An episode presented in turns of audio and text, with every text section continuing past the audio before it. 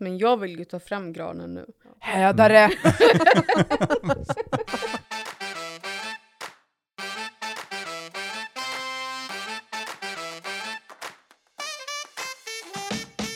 Raka gatans tredje avsnitt. Jag heter Karin och jag sitter här med Jenny och Johan. hej hej. Mm. Hej hej! Kan man kalla sig poddare nu efter tredje avsnittet? Ja, kan man det? Det tycker jag. Ja, nästan. det, det tycker jag man borde kunna. För att eh, som författare, då brukar man ju få kallas författare på riktigt efter man har skrivit tredje boken. Och nu har vi ju kommit med tredje avsnittet, så nu är vi väl riktiga poddare. Ja. ja, det får man nog säga. Eller? Ja. Hur, är det, hur är det med tre texter i kyrkans handbok? Ja, Nej, precis. Jag har, nej jag, inte handboken, vad heter den? Kyrkokalendern, precis, precis. Och det var nog kanske fler än tre texter, jag kommer inte riktigt ihåg. Men jag Just fick det, ju skriva det. på författarkontrakt i alla fall. ja, men jag vet inte om jag kan kalla mig författare riktigt. Författare, poddare, Tv-kändis, nej jag skojar, Ja, precis. Du är tv-kändis också. TikTokare. TikTokare. Ja, Jag kan ha så många titlar. precis, precis. Så är det. Eh, Nej, jag har ju jobbat som bibliotekarie också, så jag kan kalla mig bibliotekarie, präst och poddare numera. Varför slutade du som bibliotekarie? Eh, det var väl egentligen för att jag var på väg att bli präst från början. Sen tänkte jag att jag skulle ta ett studieuppehåll. Jag hade läst så många år så att då kunde man lika gärna läsa två år till tänkte jag, som bibliotekarieutbildningen är. Eh, och sen var planen att jag skulle komma tillbaka och läsa färdigt och bli präst. Eller missionspastor var det faktiskt som jag var på väg att bli då. Eh, men det blev aldrig så. Eh, utan jag kom in i bibliotekssvängen där så började jag jobba som det. Men det här med prästeriet låg hela tiden där i bakgrunden. Och, och jag kände att det är det jag egentligen ska bli. Så efter att jag hade jobbat ganska många år, eh, så ja, barnen han kom och alltihopa, så tog jag tag i det igen 2009. Tog jag kontakt med Strängnäs stift. För då var jag aktiv i Svenska kyrkan. Sen flera år. Men, men hur har det sett ut för dig Johan? För det där är ju så olika också vad man har för liksom bakgrund. Ehm, för att du skulle bli missionspastor först, har du bakgrund i missionskyrkan? Eller? Eh, nu? nej, nej, det har jag väl För- egentligen inte heller. Förlåt, men vad är skillnaden på präst och missionspastor? Förutom att man är i missionskyrkan då, men är det liksom Ja. någon skillnad på vad man gör? Mycket är väl ganska likt. Man har väl rätt ordentligt mycket mindre förrättningar där, alltså dop, vigslar och begravningar. Man har ju det där också, men inte alls lika mycket. Det är väl en stor skillnad. Mm. Och utbildningsmässigt är det lite skillnad? Ja, det är lite skillnad, för där läser man eh, man läser det här predik och kunskap, homiletik kallas det med finare ord, och lite om själavård och sånt där inbakat i, i den teologiska högskoleutbildningen. Så då läser man fyra år bara. Och så är man färdig. Och så har man kontakt med eh, en annan pastor redan från början där. Medan i Svenska kyrkan då läser man fyra år på universitet och sen så läser man slutåret och, och sen Ja, grundkursen också. grundkursen, slutåret, man gör praktiker, man har lite sådär olika kurser som stiften håller i också. Så att det blir ju två år till ungefär. Sex år för Sex att bli år präst. totalt, ja men precis. Fyra för Men pastor. Men fyra för att bli Ja. pastor då. Mm. Precis. Eh, nej, så att eh, det är lite skillnad. Annars är det ganska mycket som är likt. Men även, ja, både Svenska kyrkan och Missionskyrkan kan ju se lite olika ut på olika Mm. platser i landet också. Mm. Men Så. Johan, du har ju även Mm. läst alla, gjort alla intagningsprovet till Polishögskolan. That's the sound of the police. Ja, det stämmer också för jag tänkte bli präst, eller eh, polis menar jag också ett tag. Jag tänker, Så det är ju att- ganska stor skillnad, polis och präst. Ja, det är det väl. Man jobbar ju med människor i olika situationer och lägen och sådär och, och måste ha, tycka om människor. Och, eh, så att det är väl en del som är lika, men det är väl väldigt mycket som är olika också, kan jag tänka mig. Nej, ja, det var väl en barndomsdröm jag hade lite grann, plus att många bekanta och sådär. Och, och mina föräldrar tyckte, ja men du skulle ju passa som pre- äh, polis. Jag säger präst hela tiden, polis. Vad är det, Freudians fel? Ja, det. Ja, det kanske är det. Nej, så att jag gjorde ju intagningsproverna, intervjuerna, de här fystesterna, man cyklar på träningscykel, man gör simtest. man ska kunna göra livräddningstest, dyka under vattnet och hämta en docka och, och man ska kunna släpa en docka som väger 75 kilo tror jag det var.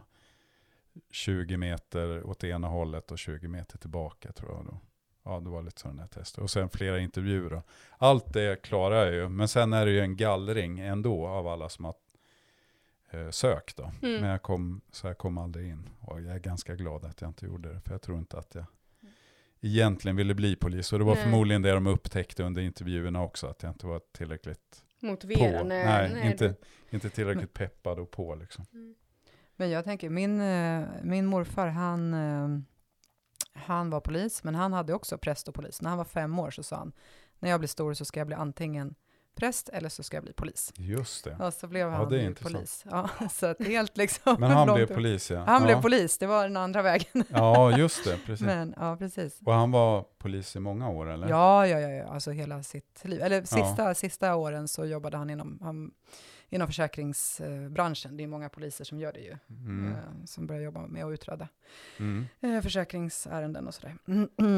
Det är väl lite bättre betalt tror jag än på om man jobbar som polis. Mm. Men eh, ja, så att eh, det kanske är så att det ändå finns någon slags beröringspunkt. Jag vet inte var han fick det ifrån. Han var ju jätteliten liksom när han sa det. Ja, Eh, så. Men sen så blev det liksom omständigheter i hans liv som gjorde att han aldrig kunde konfirmeras. Hans mamma dog väldigt tidigt och så, så att han konfirmerades. Jag tror han var 77 år när han konfirmerades. Oj. Otroligt fin, eh, faktiskt, um, sak att få vara med om också. Mm. Ja, för du var med om det. Ja, precis. Ja. Det var efter att jag hade börjat plugga. Min mamma var inte konfirmerad och eh, min morfar var inte konfirmerad. Men han är liksom den, jag är inte uppvuxen i någon eh, kristen familj så, Mm. utan den som jag har haft i min närhet som har haft en gudstro, det var min morfar. Eh, och, ehm, men han, som sagt, det blev aldrig så att han konfirmerades, men han, liksom, han läste Bibeln och när jag började plugga sen så kunde han liksom fråga ganska mycket, men liksom, Mm. varför står det så här i Gamla Testamentet? Och han tyckte en del saker var svåra och så, mm, Mm. men han hade en väldigt, ja men han hade liksom ändå en stark gudstro och också eh, kunde prata om Jesus och sådär, vad Jesus sa och så. Mm. Eh, men, ehm, men min mamma konfirmerades inte heller, hon ville liksom inte göra som alla andra. så, lite sådär. Eh, men sen satt vi, då hade jag börjat plugga och då satt vi en kväll och hade varit på middag hemma hos min mamma och eh, det var jag och så var det då mamma och eh, mina morföräldrar och så var det min faster och min kusin och sen så var jag ihop med en kille då och eh, det var han och hans mamma. Och ingen av, av de här vuxna personerna då, jag var ju också vuxen, men vuxna vuxna, Alltså min mamma, min faster, min kusin, som i och för sig inte är så mycket äldre än vad jag är, eh, och så min pojkväns mamma då. Eh, ingen av dem hade, hade konfirmerats. Så då började de diskutera så här, ja men eh, typ, eh, ska vi inte konfirmeras? Det vore, ju liksom, det vore ju roligt att göra det nu i vuxen ålder. Eh, och så ringde de till församlingen och sa så här, hej, har ni vuxenkonfirmation? För vi är typ en grupp redan som vill konfirmeras. så Oj, värsta ja. drömläget för en församling. Att det ringer någon och bara, hej, vi är en grupp som vill konfirmeras. Eh, Ja, så, men då, verkligen. så då fick de ju börja träffas där i, i Vällingby församling var det. Och eh, så, så läste de, vet jag, den här gamla boken, stora boken om kristen tro, tror jag de läste. Mm. Eh, och sen så blev det konfirmation då. Och min morfar, han hade liksom lärt sig, han hade en text, en dikt av Hjalmar Gullberg, tror jag, som han eh, eh, läste, hade lärt sig utan till som han läste på Mm. konfirmationen, så jättefint. Och sen läste jag den på hans begravning också, när jag begravde. Ja, Mm, det just det. fint, faktiskt. Men jag tänker, det är ju så här, eh, alla har ju typ sina olika vägar in i kyrkan på något mm, sätt. ja men så är det verkligen. Eh, så. Eh, Och det är inte alls eh, självklart att man har växt upp i kyrkan. Nej, nej, det är absolut många som inte. inte har gjort det. Nej, precis. Eh, Nej, verkligen. Och det Nej. finns ju också så många olika, alltså många när man tänker kyrka tänker ju bara att det är präster och ja, man kanske vet att det är någon kantor eller någonting sånt där. någon kyrkvaktmästare, det är typ det, de, det man Mm. tänker på. Men det finns ju så många professioner också. Ja, verkligen. Eh, typ som för dig Karin som är kommunikatör i kyrkan och så. Hur liksom kom det sig att du började jobba just i kyrkan? Eh, det fanns en kommunikatörstjänst ute. Och då var jag på intervju för, alltså jag tyckte själva tjänsten lät rolig. Jag reflekterade inte så mycket över att det var kyrka, även om jag gick i Svenska kyrkans unga när jag var yngre och var med liksom i kyrkan efter konfirmationen. Men då var det mer tjänsten. Så då var jag på intervju för kyrkan, en församling, och sen ett byggvaruhus som kommunikatör där. Då blev jag erbjuden eh, båda tjänsterna, men valde kyrkan för att jag tyckte att det... Jag vet inte, det var någonting som tilltalade mer än det här byggvaruhuset. Ja, och sen, sen är ju då, du berättade innan hur min mamma reagerade när jag sa att jag skulle börja jobba i kyrkan. Hon trodde att jag drev. Alltså hon, hon, hon tänkte inte att jag... Men varför det? Alltså var det så osannolikt liksom, eller vadå? Ja, jag tror att hon tänkte, alltså jag hade väl inte pratat om kyrka sen jag var med i kyrkans unga och så. Det var jag väl kanske, kanske något år, två år efter konfirmationen liksom. Och sen dess hade jag väl inte pratat kyrka. Och sen Mm. har väl hon så här fördomar om man du kan inte lyssna på så här hård musik och du kan inte... För jag var väldigt så här svarthårig och mycket Aha. smink och piercingar och så. När jag var yngre. Och då tänkte väl hon liksom att det går inte riktigt Nej, ihop med inte kyrkan liksom. Nej. Men, men, för, för du, för jag tänker så här, för, för oss som är präster, så såklart, vi får ju möta jätte, jättemycket också reaktioner och fördomar och sådär när man möter människor i olika sammanhang, alltså utanför jobbet så att Mm. säga. Eh, men jag tänker att för dig som också, får du liksom mycket frågor, om du säger så här, nej men jag jobbar i kyrkan, är det många som har liksom ja, de skojar väl lite om att man, då är man ju väldigt from och så här. Och sen svär jag ganska mycket och det går väl inte riktigt ihop. Det. Sen har inte jag, nej, alltså det är ingen, min mormor och morfar är ju troende, men min mamma och pappa och syrra och så, de går ju inte i kyrkan, de är inte konfirmerade och syrran är inte döpt och jag döptes när jag var 14 innan konfirmationen, så jag är ju inga kyrkisar Mm. nära, Nära, liksom, liksom. förutom mormor och morfar då. Men det är ganska intressant det där tycker jag, att liksom det finns, alltså, att man fortfarande har en så otroligt liksom, stark bild av hur personer som är som har en kristen tro Mm. eller som är engagerade i kyrkan eller som jobbar i kyrkan. Alltså nu är det ju så här, det finns ju som sagt väldigt många professioner och alla som jobbar i kyrkan eh, är ju inte så kanske att de har en jätteuttalad tro heller. Men det finns ändå så mycket liksom föreställningar om hur man ska vara ju. Och som är så här, jag vet inte, ja, som inte kanske är så uppdaterad om jag säger så. Men sen är det väl för att man inte kan så mycket, för jag tänker, jag har ju lärt mig väldigt mycket mer när jag liksom började jobba i kyrkan och så, och då är jag ändå är konfirmerad och varit väldigt intresserad av religion och läst mycket liksom så här mer religionsböcker som förklarar. Men det är ju ett svårt språk, eller liksom många, vissa ord ni säger som så här, va? nu pratar de om mat igen. Det är så himla konstigt, de där prästerna som har pratat om mat. Ja men det är jättemånga ord så jag tycker låter, låter som det är maträtt. Mm. Just det. Nej, men det är klart. Så det kanske inte är så tillgängligt på det sättet då, eller? Nej men då blir det kanske svårt, liksom svårt att förstå. Så blir det också, men de, de tror på hittepå för att de, Mm. man förstår väl inte allting runt omkring liksom och sen vad allting betyder och så. Mm. Svårt språk, konstiga ord Mm. och så har man inte gått i kyrkan. Nej, Så jag det. tänker, Mm. idag går väl inte liksom, jag tänker barn och... Så när jag var yngre, då gick man ju i kyrkan på skolavslutningar och man var ändå i kyrkan ibland. Det är Mm. man väl inte nu. Mm. Nej, Ja, det inte var alls. kanske lite mer lättillgängligt. Och man, Mm. Man kanske hade julkrubba på skolan. Mm. Fin, eh, hade julspel sådär om Ja, i och sig, julkrubba vi har ju sådär. haft julspel nu. Ja, men sånt var även i skolorna länge. Det var, I Mm. alla fall när jag var liten. Vi hade ju julspel. Mm. När jag gick i lågstadiet kommer jag ihåg. Sånt tror jag inte förekommer idag längre. Nej. Nej, för då vet man ju ändå lite, Mm, någon så här, ha en grundförståelse. precis. Om man inte har det alls och så bara... Jag tror till och med att vi sjöng salmer ibland på morgnarna. I alla fall när det Mm. var lite äldre lärare som, som tyckte att det hörde Ja. till. Liksom. Jag kommer ihåg när jag gick på lågstadiet och jag eh, hade, då hade vi under adventstid, man fick ta med sig, vad kan jag ha gått i, så här, ettan eller två, något sånt där. Så fick man ta med sig ett ljus till skolan och jag kommer ihåg att jag hade en sån här, liksom i trä, rödmålad, sån här klassisk liksom ljusstake eh, med ett ljus i. Så fick man tända den på morgonen under hela adventstiden. Eh, och så läste min fröken en bok som hette Marias lilla åsna. Ja, den liksom- fick vi ja, också ja. höra. Ja, som högläsningsbok. Ja, Ja, precis. ja, den var jättemysigt tyckte jag också. Ja, Ja, jag kommer verkligen ihåg hur mysigt det var. Man tände Ja. det där ljuset och fröken läste.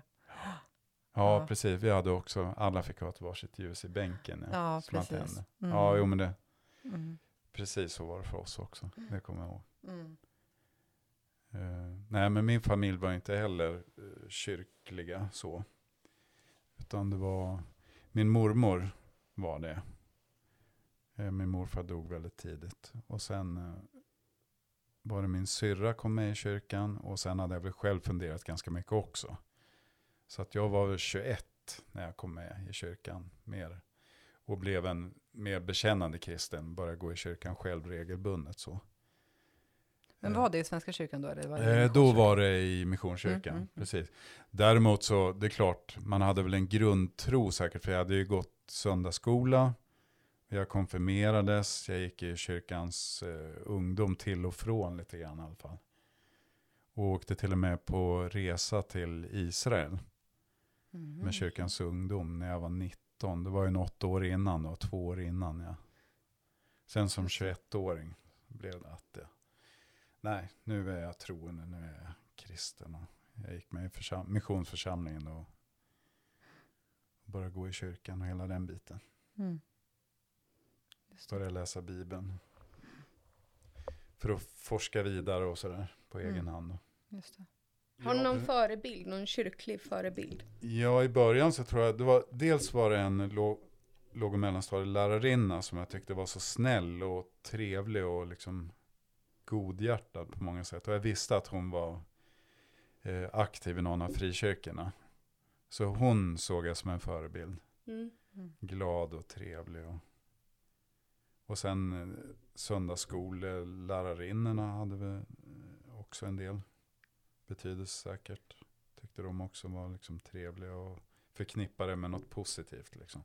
Ja, för jag tänker det blir väl också ganska viktigt vem man möter i Ja, Ja, jo, men det gör det ju verkligen. Ja, precis. jätteviktigt. Jätteviktigt. Vi Absolut. hade ju en präst i, ja, men när jag konfirmerade mig, den kyrkan där, som alltid pratade om BK Häcken. Var, alltså, alltid, Ja. Varje predikan så nämnde han alltid lite om BK Häcken. Ja. Okej. Var det något positivt eller blev det negativt? Nej, det var bara roligt för Ja. att vi, vi skrattade åt det. Ja, Han, okej. och han, eh, Mm. Nu gick han bort för några år sedan och det var ganska stort, eller liksom spred sig på Facebook och alla liksom, Ja, förknippade det med honom. ja och Mm. att det var liksom, men nu har han gått bort och BK Häcken. Och liksom, Mm, så att det, Mm. Men det är också apropå, tänker jag, som du säger Karin, med språket, att ibland så är eh, det kyrkliga språket, eller vad man ska säga, lite svårt och inte så tillgängligt. Och då när man liksom hittar beröringspunkter Mm. i språket också, där vi kan mötas och där man förstår.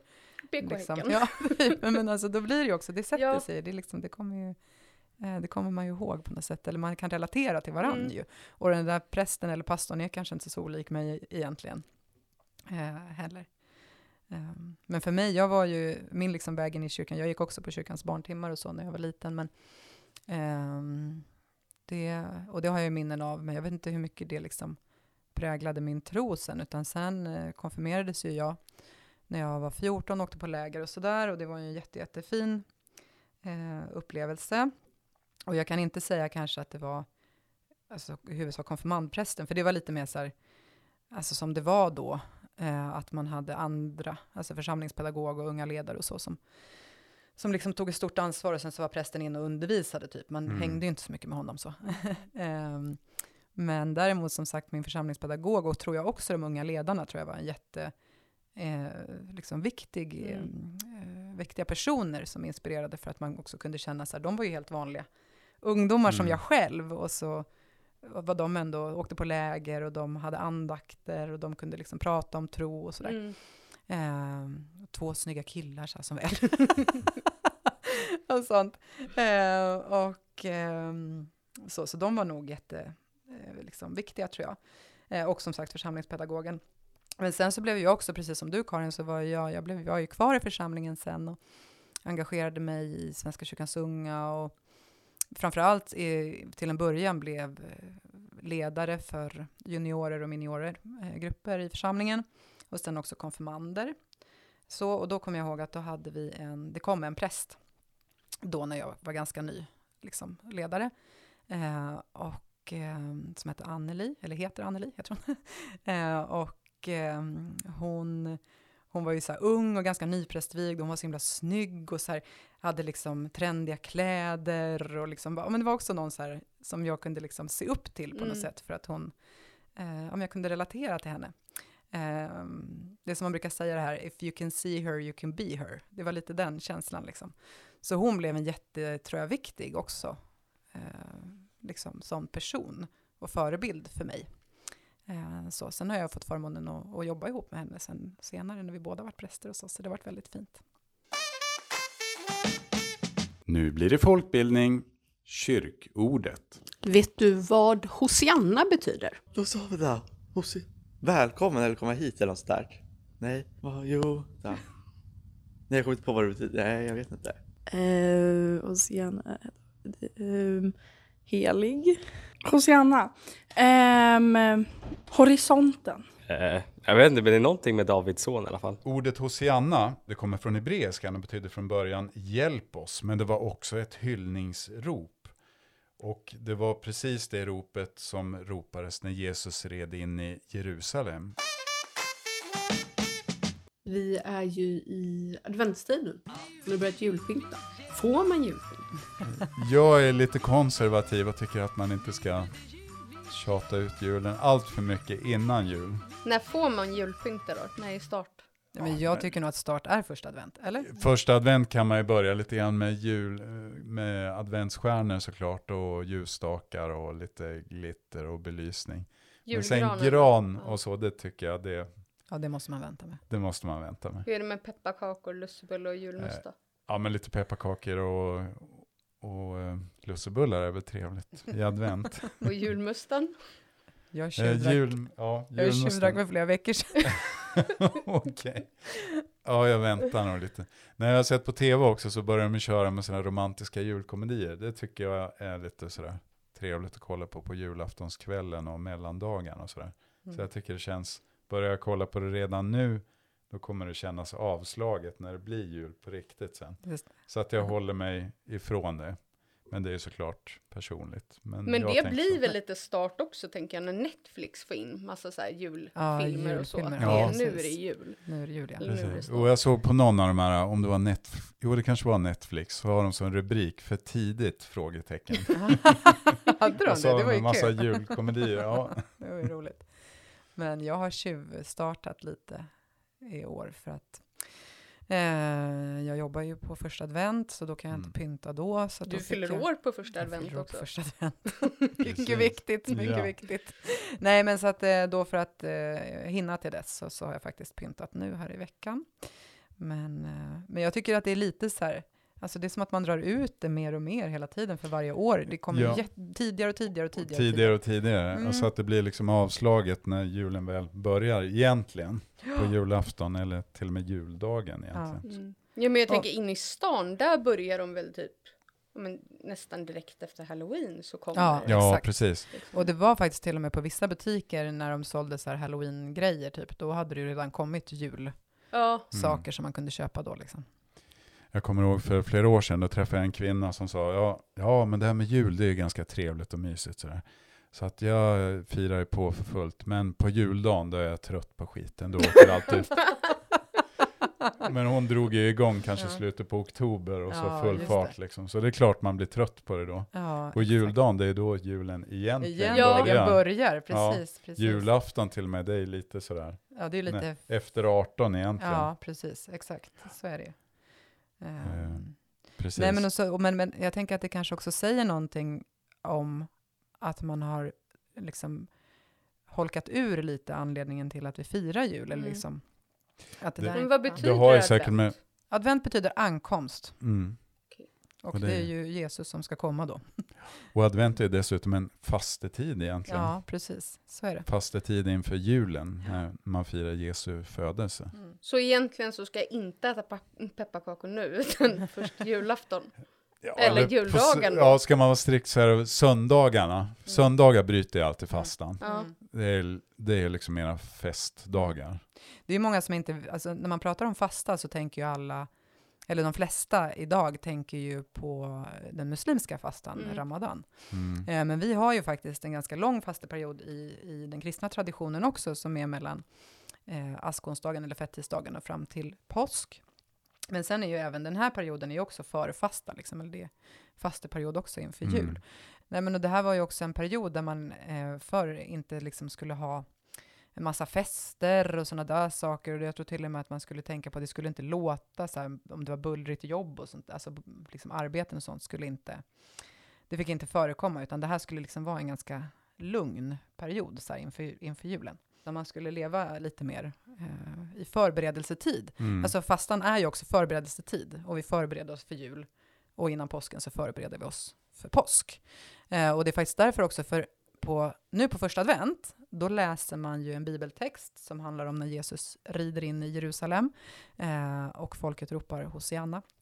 Eh, och det är ju egentligen en påsktext om man säger, alltså som handlar om det som sen kommer att hända i passionsdramat, alltså när Jesus ska fängslas och avrättas. Precis, och det är för att det finns en koppling däremellan. Mm. Vi läser ju samma text på palmsöndagen ja, också. precis. Exakt, exakt. Och det är för att liksom de här, den här perioden av förfasta, eller av fasta, och den fasteperioden, de, liksom, de hänger ihop, tänker man, Mm. liksom tillbaka i tiden. Varför? Ja, det har ju med Jesu ankomst att göra. På julen firar vi Jesu födelse och det är Jesu ankomst då. Mm. Men när advent kommer då är det Jesus som ankomst när han kommer in i Jerusalem. Så det Mm. spelar ju spelar ju med varandra att göra. Det är Jesu ankomst på lite olika sätt. Så. Okej. Men jag kan ju på ett sätt tänka att det liksom är lite, det är på ett sätt synd att vi har missat eller tappat den här liksom traditionen av fasteperiod inför jul. Mm. För det här blir ju så här, för jättemånga är ju det här typ den stressigaste tiden på året. Man Mm. bara, aha, ska göra allting, köpa julklappar, fixa hemma, eh, med julpyntet, eh, ordna med liksom julfirandet. Det, det är liksom, man springer i 180 den här perioden. Mm. Det är så här, och det är massa mingel här och det är ditt och datt och så här. Du har Eh, ett socialare liv än jag. ja, Eh, Nej men för många är det ju så. För många Precis. är det ju så att det är en väldigt stressig tid, men Mm. istället så kunde man ju tänka att det här kunde få vara en tid när man gick ner i Mm. tempo. Mm. För att det är så liksom traditionen har varit, att nu tar vi det ganska Mm. soft liksom, inför att det stora firandet sen ska få komma. Så att det inte blir som den här kvinnan som Mm. liksom känner så här att när julen Ja. väl har kommit, då är man bara less. Ja. Ja, liksom. ju- när juldagen då åker granen ut. Typ. Nej, och sen tänker jag också att det har att göra med att när man inte riktigt har koll på varför vi firar jul, då blir det det här kommersiella som tar över, så att det blir tidigare och tidigare, därför att man kan sälja, kränga Mm. på folk en massa julgranar och julfilmer och allt vad det nu kan vara. Liksom. Mm. Så att eh, det är inte konstigt att det blir tidigare och tidigare, att det blir i oktober man kör igång Ja, i, affärer med en massa julattiraljer. Liksom. Mm. Ja, och nu när Black Friday är så Ja, nu kommer liksom man Black ska- Friday dessutom. Mm. Som egentligen är en sån här mellandagsrea efter Thanksgiving i USA. Mm. Mm. Men som ja, de senaste fem, sex, sju åren har kommit till Sverige. Gör det så länge? Ja, kanske. Jag tror att det var när jag gick i alla fall på slutåret, pastoralinstitut, och där gick jag 13-14. Då tror jag var bland de första gångerna jag såg Black Mm. Friday. Mm. Så att det var någonstans i den Ja, vevan. nu är det Black Week i och för sig. Ja, nu är det till Ja, och med Black veckan. Week. Ja, ja Mm. precis. Ja, men verkligen. Mm.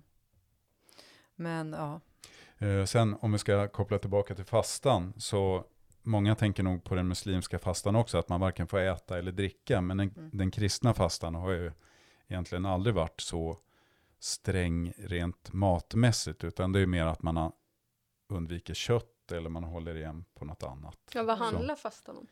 Fastan är att avstå från någonting och tillägna mer tid, mera förberedelsetid inför något som ska komma, då, som julen nu till exempel Mm. när vi firar Jesu födelse. Så att vi bättre kan vara förberedda för det. mm.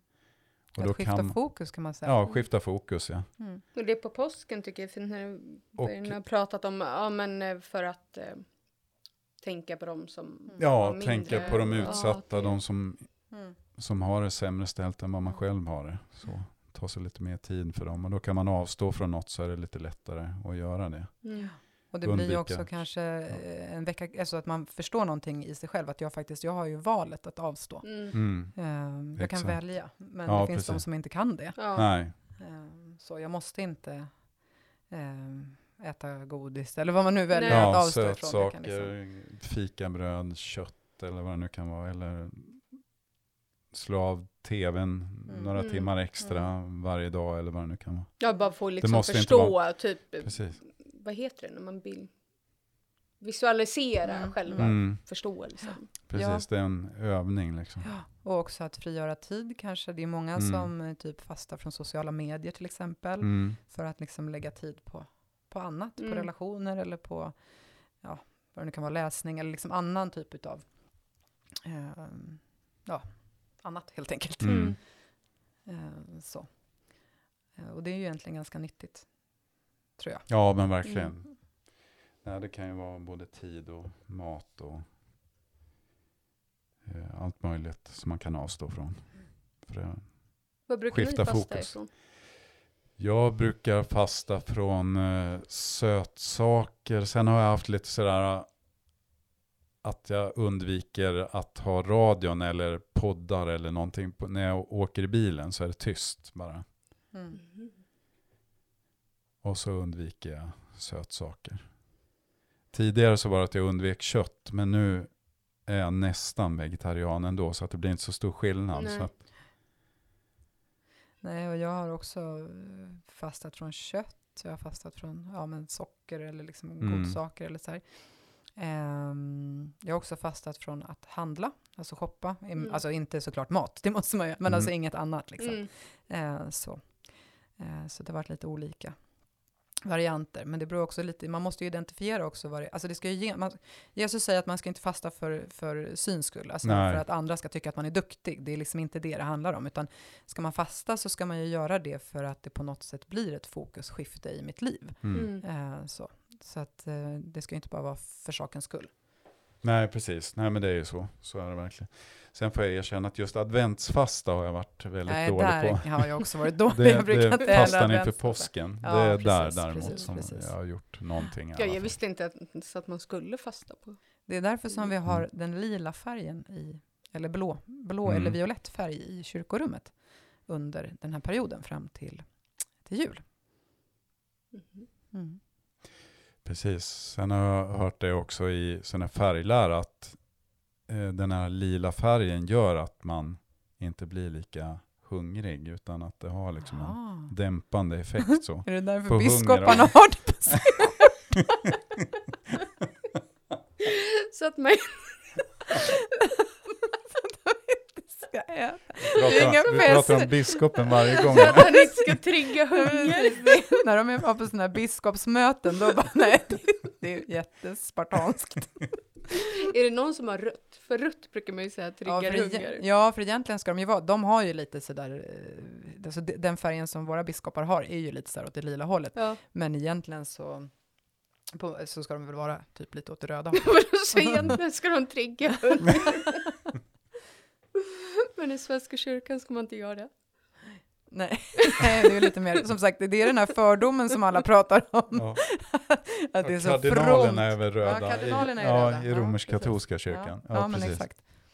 Där är det lite mer party. Ja.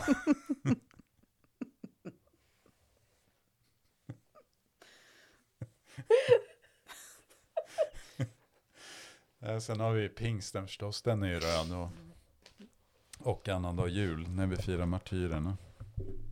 Mm, Och eh, även Lucia om man har den som martyrdag. Så är den också röd. Som eh, färg, liturgisk färg under kyrkoåret. Men det är ju faktiskt också samma sak, för det är ju också så här, det kommer ju många fina, nu under adventstiden så är det ju så många fina eh, liksom, traditioner och så, som kommer också, Lucia är ju en av dem. Eh, och det är Mm. samma sak med Lucia som med julen, det är ju typ, alltså, man vet att Lucia typ kom, man brukar, det brukar vara så här, Lucia kom från Syrakusa, det är ungefär det typ. Men man Mm. vet ju inte heller att hon faktiskt, att det har med den kristna historien att göra. Nej. Nej. Eh, Nej men så är det precis. Och en annan grej det här med att när julandet kör igång alldeles för tidigt så kommer det här med Lucia bort lite grann. Ja, har, faktiskt. de sista 10, kanske 15, 20 åren så har Lucia mer och mer liksom försvunnit i Mm. den allmänna kommersiella julröran på något sätt. vet ni att när jag var liten, då var det så här när jag gick på lågstadiet, då så skulle alltid årskurs ett eh, lussa för resten av skolan. Liksom. Det var så som traditionen var. Ja, just det. Mm, och då så kunde man ju vara Lucia och Tärna och allting sånt där. Men jag var ju liksom lite på tvären redan då. Så jag bara, jag tänker inte vara Lucia, jag tänker inte vara tärna, jag ska vara en ängel. ja, och det var ju liksom ingen, så det är jätteintressant att jag ville det. Jag Du visste vad du ville redan då? Ja. ja det är bra. och någon slags kanske så här preview på eh, det framtida prästlivet. Just det, kyrkoherdetjänsten Ja, ägde redan då. ja, så min mamma kommer jag ihåg, hon sydde ett par änglar, jag hade ju någon Lucia-nattlinne eller något, och sen sydde hon ett par änglavingar av så några gamla galgar som hon satte på något så här lite nätaktigt tyg typ. Ja, fast det var ju ganska Ja, fyndigt det var ändå. fyndigt, ja. eller? Så det hade jag. Och så fick jag läsa någon dikt, kommer jag ihåg, eh, när, jag var, när jag var ängel. Mm. Mm. Så. Jag kommer ihåg när jag skulle läsa på en julavslutning i ettan tror jag, då skulle jag läsa ABC, Rottmok och T, men jag fick sån eh, scenskräck där så att jag fick backa ur. Å andra sidan så sjöng jag solo i, i musikaler och sådär senare, så att jag var ju lite teaterapa. Det var. Men inte just den gången i ettan. Min Alltså- mamma är född på Lucia så jag och min syrra lussade varje morgon. Ja, för att det var okej. ju liksom typ som Mm. grattis. Just Som det. det var Lucia. Ah, Aldrig Mm. lussat i skolan. Nej. nej, ni fick inte göra det i Eller skolan. inte, jo, jo lågstadiet kanske. Mm. Aldrig varit Lucia däremot. nej, för frågan är hur mycket, apropå att man inte liksom har så mycket kristendomsundervisning eller vad man säger, eller liksom julspel och sånt i skolorna längre. Ehm, jag vet inte hur mycket de lussar i skolorna nu. Nej, det är väl lite så. Jag vet att eh, mina barn gick ju på en Waldorfskola. Där, där var det klass fyra tror jag som skulle lussa för alla andra. Mm. Men Sen hade ju de lite sådär antroposof-inspirerat med någon sån här adventsspiral som var någon lite Lucia-aktig Mm, okej. grej. Fast det var någon ängel som gick omkring i en spiralformad glitter, Mhm. ja, spiral på något sätt. Någon högtid och så tänder man lite ljus och grejer. Okej. Nej, men jag vet, jag, man kommer knappt ihåg, för det har ju varit liksom pandemi här ett tag nu, så man har ju inte fått vara i skolan och så. För mina barn, de har nog haft något lussefirande där vi fick vara inbjudna. Men då liksom, det var ju mer som ett fika och sen gick de så här från klassrum till klassrum typ Mm. och lussade. Mm. Eh, inget så här om man tänker sig ett riktigt så här traditionellt luciatåg. Alltså det var ju ett luciatåg, men inte Ja. som man Mm. tänker sig att folk sitter och tittar liksom. Eh, Det kanske Jo. är mer på förskolor och Ja, för dagis där har kan jag jag- ja, tänka mig. Ja. För där har mina barn haft typ de mest fantastiska luciatåg. Alltså de hade ju alltid luciatåg och sen så julmarknad också. För mina barn har gått Ja. ur och skur förskola, så de har ju varit ute. Ehm, och då gjorde de liksom personalen så att de, luciatåget var ute och sen så gjorde de julmarknad. Där man fick köpa saker som barnen hade gjort, liksom så jättefina saker. Så det var typ Mm. det mysigaste i hela eh, liksom adventstiden nästan, att få gå på det där. Precis. Och det tror jag mina barn hade också när de gick i förskola. Mm. Precis. Inte just marknad tror jag inte, men eh, lussefirande Mm, i alla fall. Mm. Men egentligen är det lite knäppt så här, när man tänker på julen. Ja, men det är julafton och det är julklappar och det är julfirande och vilka ska man fira med och bla bla bla bla bla. Men alltså om man ska eh, liksom koka ner det till vad det handlar om, då är det ju liksom att vi väntar på att ett barn ska födas. Det är ju liksom, det är en förlossning som vi väntar på. Och det tänker man ju typ inte så mycket på. Men Nej, men om man tänker så här, ja, eh, att man skulle ha någon som man, men typ ett syskon eller nära vän eller någonting som, som väntar på att, att eh, det skulle komma en bebis, då är man ju så här, man är jätteförväntansfull och bara, vad spännande, undrar när den kommer och hur ska det gå, och vem, vad är det för person som kommer, alltså allt det där ju. mm. Eh, ja men verkligen. och apropå adventstiden och liksom förberedelsetid, alltså om man tänker sig att eh, en kvinna som ska föda ett barn, då är det ju verkligen så här, månaden innan bebisen ska komma är ju verkligen så här, passa på att vila, förbered för att barnet Mm. ska komma. Alltså det är ju så här, om man har den tanken, då blir det ju Mm. Kanske något lite annat med julen, Mm. för det är ju faktiskt Mm, precis. Hela kyrkoåret kretsar kring det här, att det är. Marie med bådelse är 40 veckor det. Ja, Mm. precis. Precis. innan jul. Ja, precis. När vi firar, eh, som sagt, bebådelsedagen och i samband med det också Precis. Och, firar våffeldagen. ja, och följer man eh, kyrkohandboken och Missalet, som är den här boken med kyrkoårets musik och så, så är det ju julmusik då på Marie bebådelse. Ja, man just det. följer jul, Ja, julserien då. Ja, just det. Var precis. kommer våfflorna ifrån? Alltså, Just det. Det är ju, och ja, det sägs att det har att göra med att eh, vårfrudagen, Mm, precis. för Maria kallades vår fru, för det Mm. var liksom en hederstitel när man kallar någon för fru. Mm. Och vår, allas vår fru, det är ju Maria, Jesu mor. Mm. Så då var det vårfrudagen, Marie bebådelse. Och sen blev det lite sådär slarvigt i folkmun, så det blev vårfrudagen, då blev det våffeldagen. Jaha, för det lät som... Mm. Det lät som Okej. Ja, för jag våffeldagen. bara, vad, var jag fattar inte fortfarande inte vad Maria hon satt där. med Hon bara, nu har jag plussat här, jag tar en våffla. Sen har jag i och för sig hört att det där också är en skröna, men jag vet, så jag Nej, vet inte riktigt vad heller. jag ska tro. Nej, nej, men jag har också hört som du, men Ja. Men ja, eh, så. Men som sagt, det är lite, ja. Det är lite coolt att tänka. Mm, ja, men det är det verkligen. Att, Jo, för man tänker ju att det är... Men man vet ju att ja, Jesus föds och så, men tänker inte... Eller jag har inte tänkt att det är förlossning. För Nej, nej men att man går och verkligen. väntar på en förlossning. Så är det ju. Och nu har jag hört att så här, nu för tiden, eh, för man har ju liksom när man väntar barn så har man ju en, ett datum, liksom beräknad förlossningsdatum. Ehm, men nu har jag hört att det, man har mer börjat prata om att man är i förlossningsmånad, typ för att det är ju inte säkert att barnet kommer på just det där datumet, såklart. Och eh, att man kan bli så här, man stirrar sig så mycket blind på det så att det Mm. liksom nästan blir så här, aha, eh, lite stressande typ. Så att nu istället så pratar man om att nu är det förlossningsmånad. Typ. Men då Mm. känns det som Så det är att det vi går in i nu. Mm. Mm. Typ att allt ska ökas, alltså ökas upp och liksom firas extra mycket. Det är så här, Black Friday blir Black Week. Mm. Eh, julfirandet börjar liksom i november. Förlossningsmånad istället för liksom, ja, dag. Ja, Eller liksom, Mm, kanske en allmän tendens det där. Ja. Ja. Mm. kan det ju vara. Mm. Men ja, precis. Ja, så kan det vara, absolut. Och samtidigt så kan jag tänka att det finns någonting som också är liksom lite befriande i att, alltså just i den situationen när man väntar barn, att kanske, ja, med alltså förlossningsdatum. att kanske inte liksom stirra sig verkligen. Ja, jag hänger sig vid Mm. datum. Nej, men precis. För att det är ju väldigt sällan som det, man prickar. Precis, Mm. det är ju liksom en beräkning på något sätt. Ja, sen Eh, kanske så. man behöver en månad för att liksom, Ja, men att också man så här får Mm. tillåta sig, tänker jag, att typ gå in i, alltså apropå fastan, man får också tillåta sig att gå in i liksom någon slags eg, alltså bubbla på något Mm. Mm. sätt, där man bara får vara i den här liksom, eh, förberedelsetiden. Eh, så, och kanske liksom se hur man ska prioritera och, och alla de där sakerna, som också fastan ju Ja, handlar om. ja, men exakt. Det är ju fasta. Ska vi sätta punkt? Ja, Mm. jag har en liten predikan att skriva till på söndag. Det har Mm, jag inte gjort. med. jag har Precis, inte jag. heller hunnit förbereda riktigt. För vi har ju dubbla gudstjänster. Ja, precis. Det är nu på söndag. Det har vi. Både i Säby och Salem. Mm. Så himla fin dag. Jättefint. Eh, Sen har vi haft- advent. Har vi ju, här i kyrkan har vi ju tjuvstartat lite med julfirandet. För vi har ju haft julspel hela veckan här för förskolebarn. Precis. Ja, Och Johan har fått verkligen, precis, du har fått verkligen vara i förlossningen. Ja, ja men precis. Den um, ömma fadern, att Ja, säga. precis. Jag har Josefat mig hela veckan här. Mm. precis. Ja. Nej, men det är en fin, fin period som vi går in i. Ja. Mm. Vi sätter punkt där. Vi sätter punkt där. Ja, Ja. det gör vi. Vi får säga glad, glad, glad advent. Glad Glad advent.